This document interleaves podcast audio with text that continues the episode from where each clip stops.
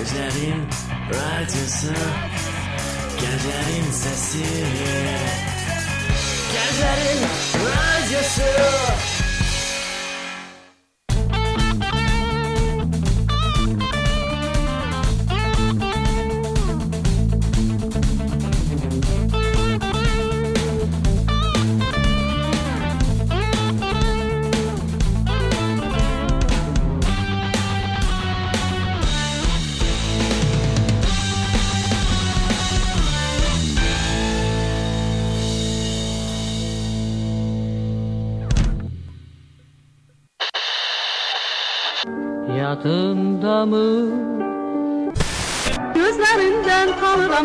Bakının maralısan Mavi gözünden Xəstəyə qalıb əlacım Özünə məxsus hekayələr, unudulmaz ifalar, əvəz olunmaz səslər, ahəngdə.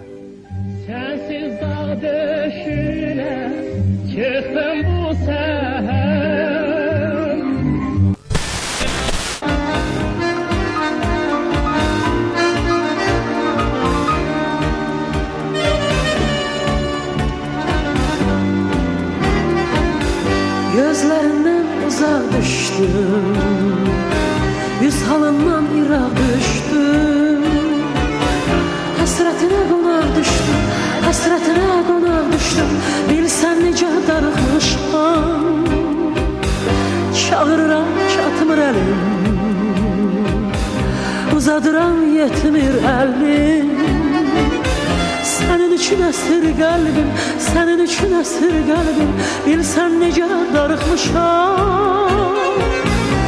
Göz yaşımı silərsənmi Bir insafa gələrsənmi Özün durub gələrsənmi Bilsən necə darıxmışam Bilsən necə darıxmışam Bilsən necə darıxmışam Bilsən necə darıxmışam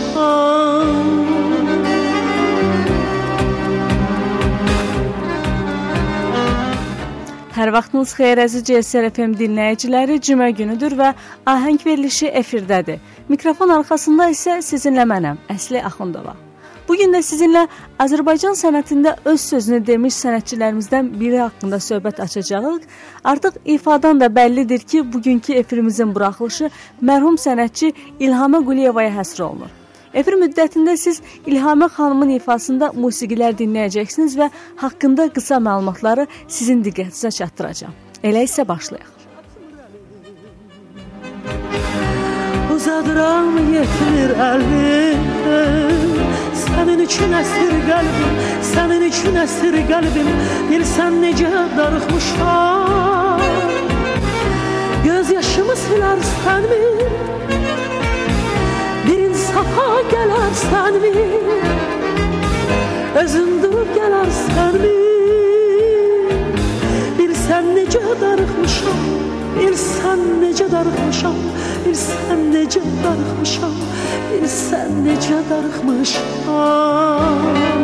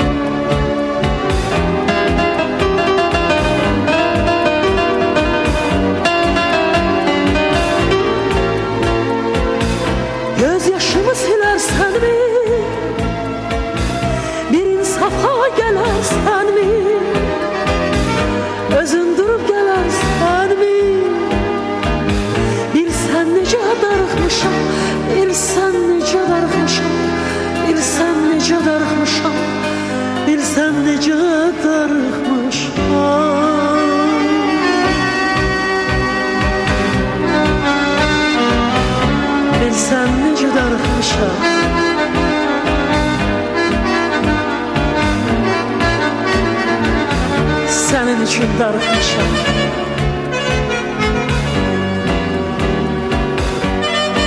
Bilsəm necə darıxmışam Yaman darıxmışam Bilsəm necə darıxmışam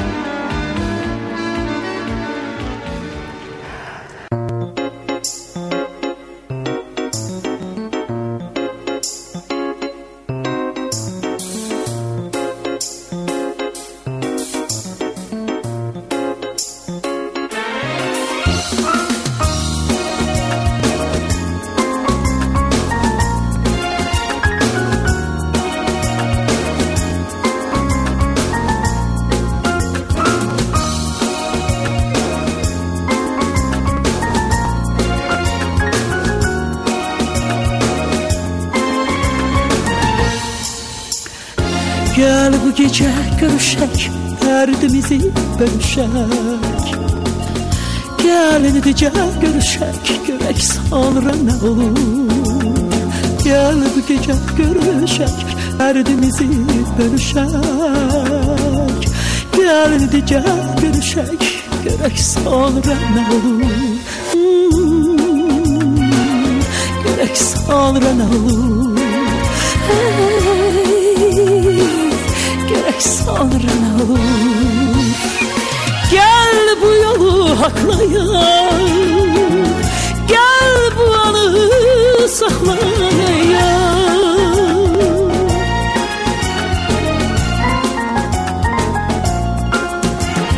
Gel bu yolu haklayalım Gel bu anı saklayalım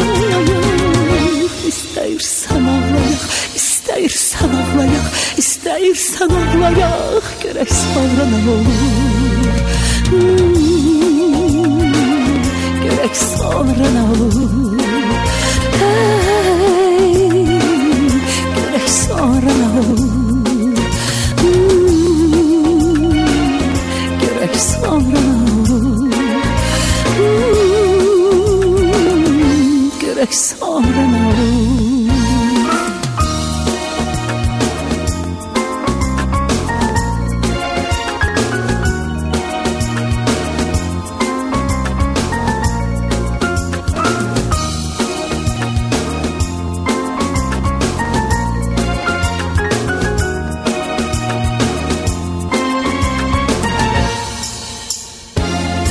Od yanar köz alışsın, dil yanarsız danışsın.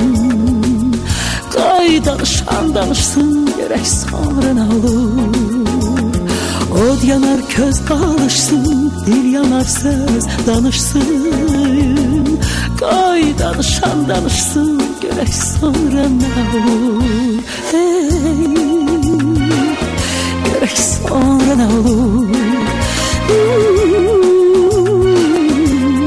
sonra ne olur Gel bu yolu haklayalım Gel bu anı saklayalım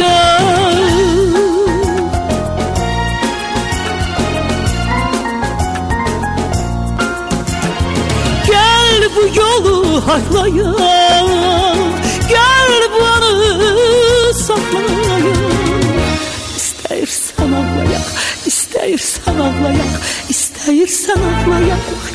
sonra ne olur? Gerek sonra ne olur? Gerek sonra ne olur? Gerek sonra ne olur? Gerek sonra ne olur, gerek sonra ne olur, gerek sonra ne olur.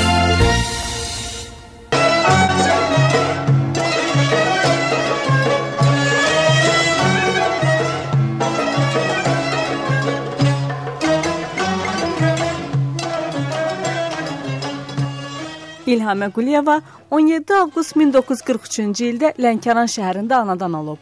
1964-cü ildə Azərbaycan Dövlət Universitetini bitirib. 1965-1970-ci illərdə Azərbaycan Dövlət Teleradio Verilişləri Şirkəti Estrada Orkestrinin, 1970-1980-ci illərdə isə Azərbaycan Dövlət Filarmo- Filarmoniyasının solisti olub. 1980-ci ildən Azərbaycan Dövlət Qastrol, Qastrol Konsert Birliyinin solisti olub. Repertuarına Azərbaycan və xarici ölkə bəstəkarlarının əsərləri daxildir. bir sıra xarici ölkələrdə qastrolda olub. Bir mənə bax, naz eləmə, naz eləmə, naz eləmə. Qaş qabaq təkmə belə, de görüb neyləmişəm. Gəl mənə dağ çəkmə belə, de görüb neyləmişəm. Qaş Gelme tekme belə De görüm nə Gel mənə dağ çəkmə belə De görüm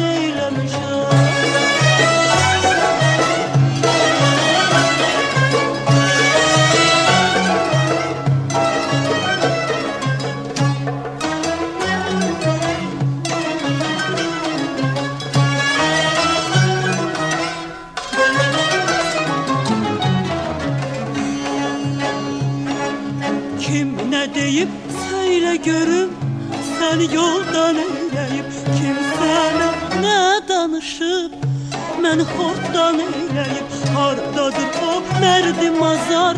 Onu koy tutsun azar Keyfime. Sen bu canı Doğrama gel sabını Bir mene bak naz eyle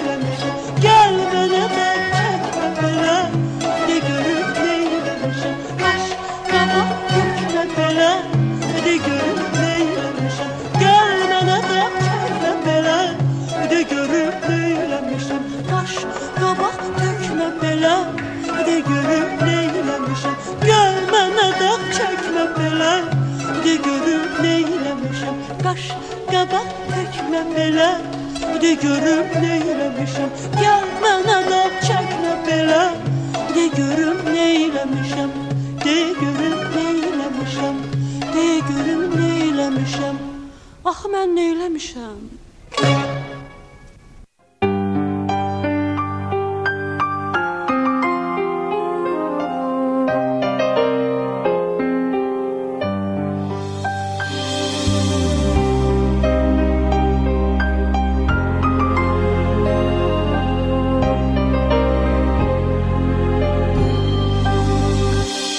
Nə yaxşı ki, sən də varsan kimdən ayrılardım. Bu dünyadan getmək istədim anda. Bu həyatda kimə görə yaşayardım. Nə yaxşı ki, sən də varsan bu dünyamda. Kimi sevib, axı kimdən ayrılardım. istediğim anda Bu hayatta kime göre yaşayardım? Bu hayatta kime göre yaşardım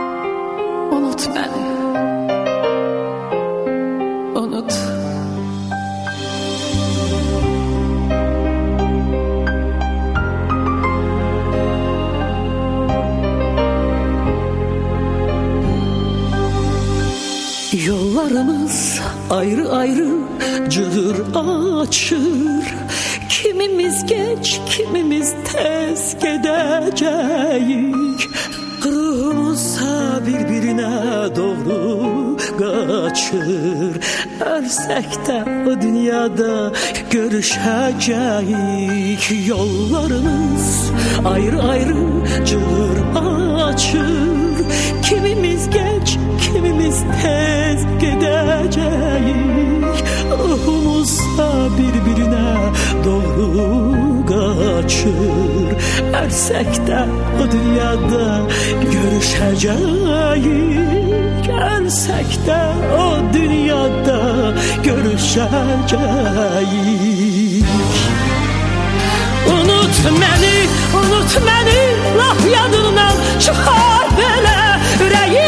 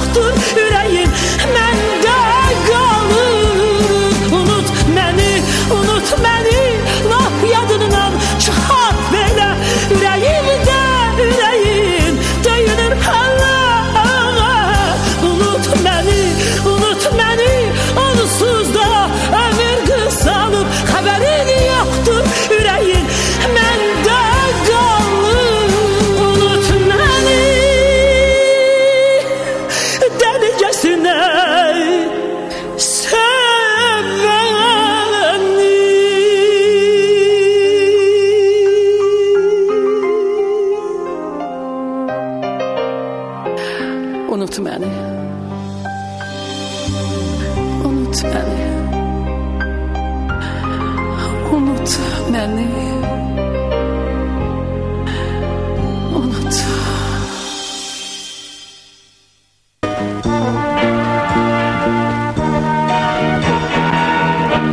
Çiçekler açmasa Gelersen yaz gelir Çiçekler İlham xanımın anası görkəmli Azərbaycan müğənnisi, Azərbaycanın xalq artisti Tükəzban İsmailova, atasının adı Məzahir Quliyevdir. İlhamə Quliyeva 20-ci əsrin 80-ci illərində qısa müddətli ailə həyatı qurub. Çox qısa sürən bu evlilik zamanı o hətta həyat yoldaşının soyadını Mir Möhsünova soyadını daşıyıb.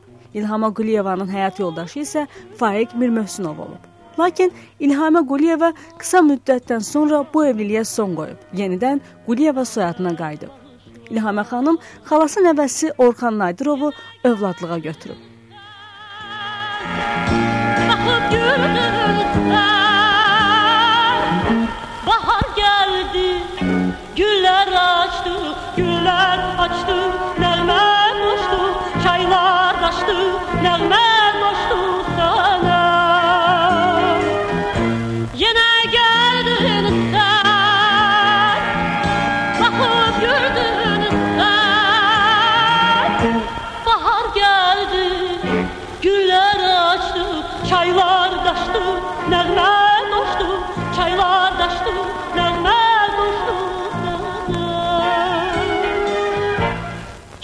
Çiçekler açmasa Gelersen yaz gelir Çiçekler açmasa Gelersen yaz gelir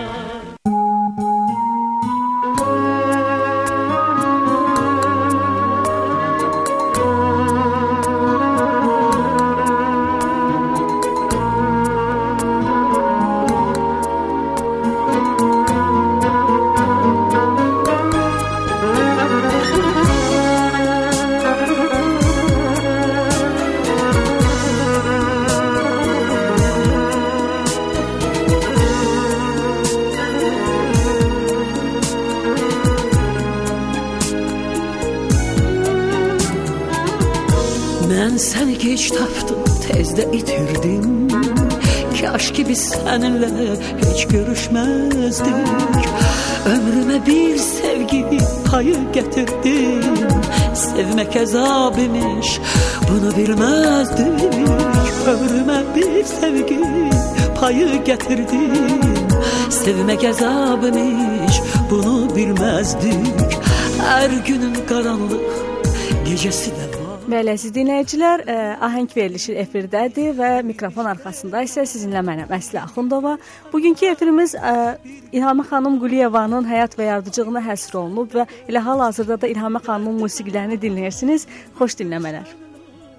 Bir gün aylar Ay ürək səndə döz Mənim dərdimə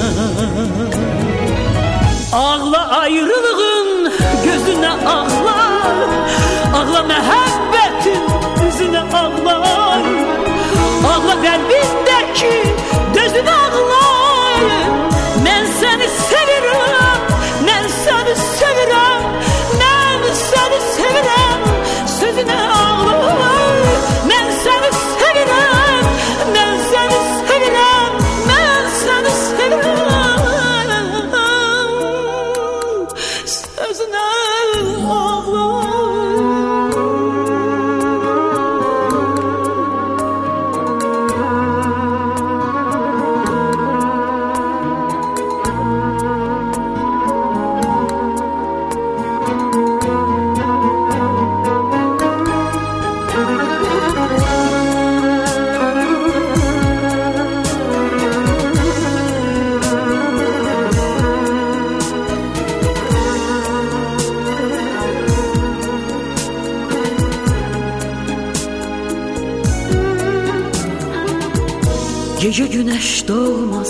göyün üzünə Sevinç gələ bilməz kədər gözünə Hərdən ağlayaram özüm özümə Ürək üz çevirib baxmır sözümə Hərdən ağlayaram özüm özümə Ürək üz çevirib baxmır sözümə Hər günün qaranlıq gecesi de var Ömür dediğimiz buymuş deme Bir gün görüşenler bir gün ayrılar Ay yürek sende döz benim derdime.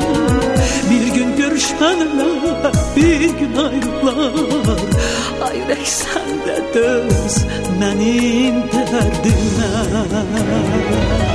Ağla ayrılığın gözüne ağla. Ağla məhəbbətin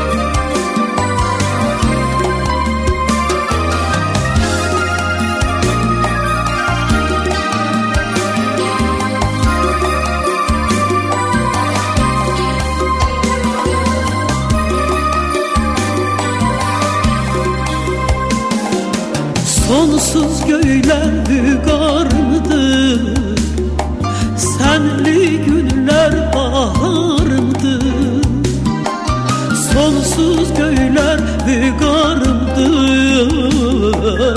Senli günler bahardır Bir arzumdur, muradımdır. Gülhama Guliyeva 25 Fevral. 2016-cı ildə trombombolyadan vəfat edib. Səhər saatlarında vəziyyəti qəfildən pisləşən İlham Quliyevanın evinə təcili və təxirə salmaz tibbi yardım avtomobili gəlsə də, artıq dünyasını dəyişmişdi. 26 fevral 2016-cı ildə 2-ci Fəxri xiyabanda anası Tükəzban İsmailova və ögey atası Həbibullah Bayramovun yanında dəfn edilib.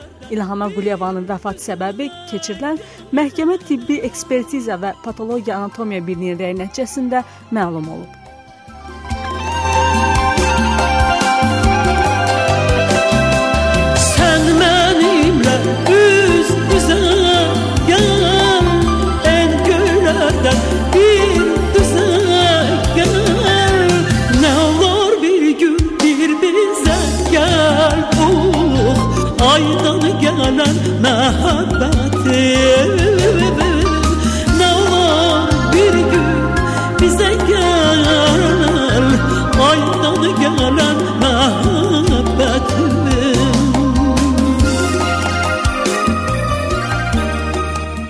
Qeyd edim ki, İlham Quliyeva Azərbaycan sənətində göstərdiyi xidmətlərə görə bir sıra mükafatlara layiq görülüb. Azərbaycan Respublikasının xalq artisti, Azərbaycan Respublikasının şöhrət ordeni, Dağıstanın xalq artisti, Azərbaycan Respublikasının şərəf ordeni ilə mükafatlandırılıb.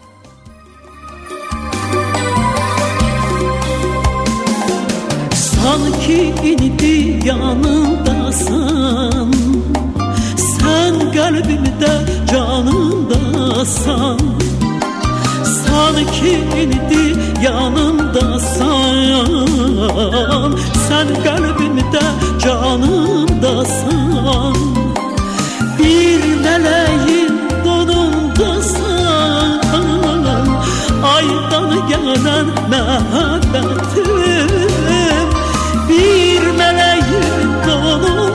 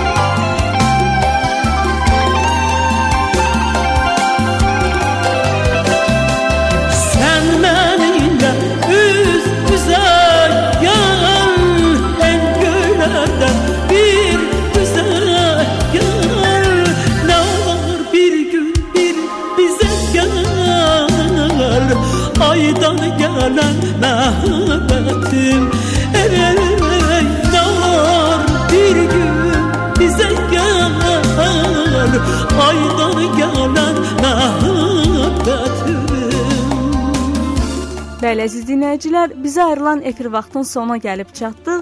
Bugünkü efirimiz bu yaxınlarda dünyasını dəyişən müğənni İlhamə Quliyevaya həsr olundu.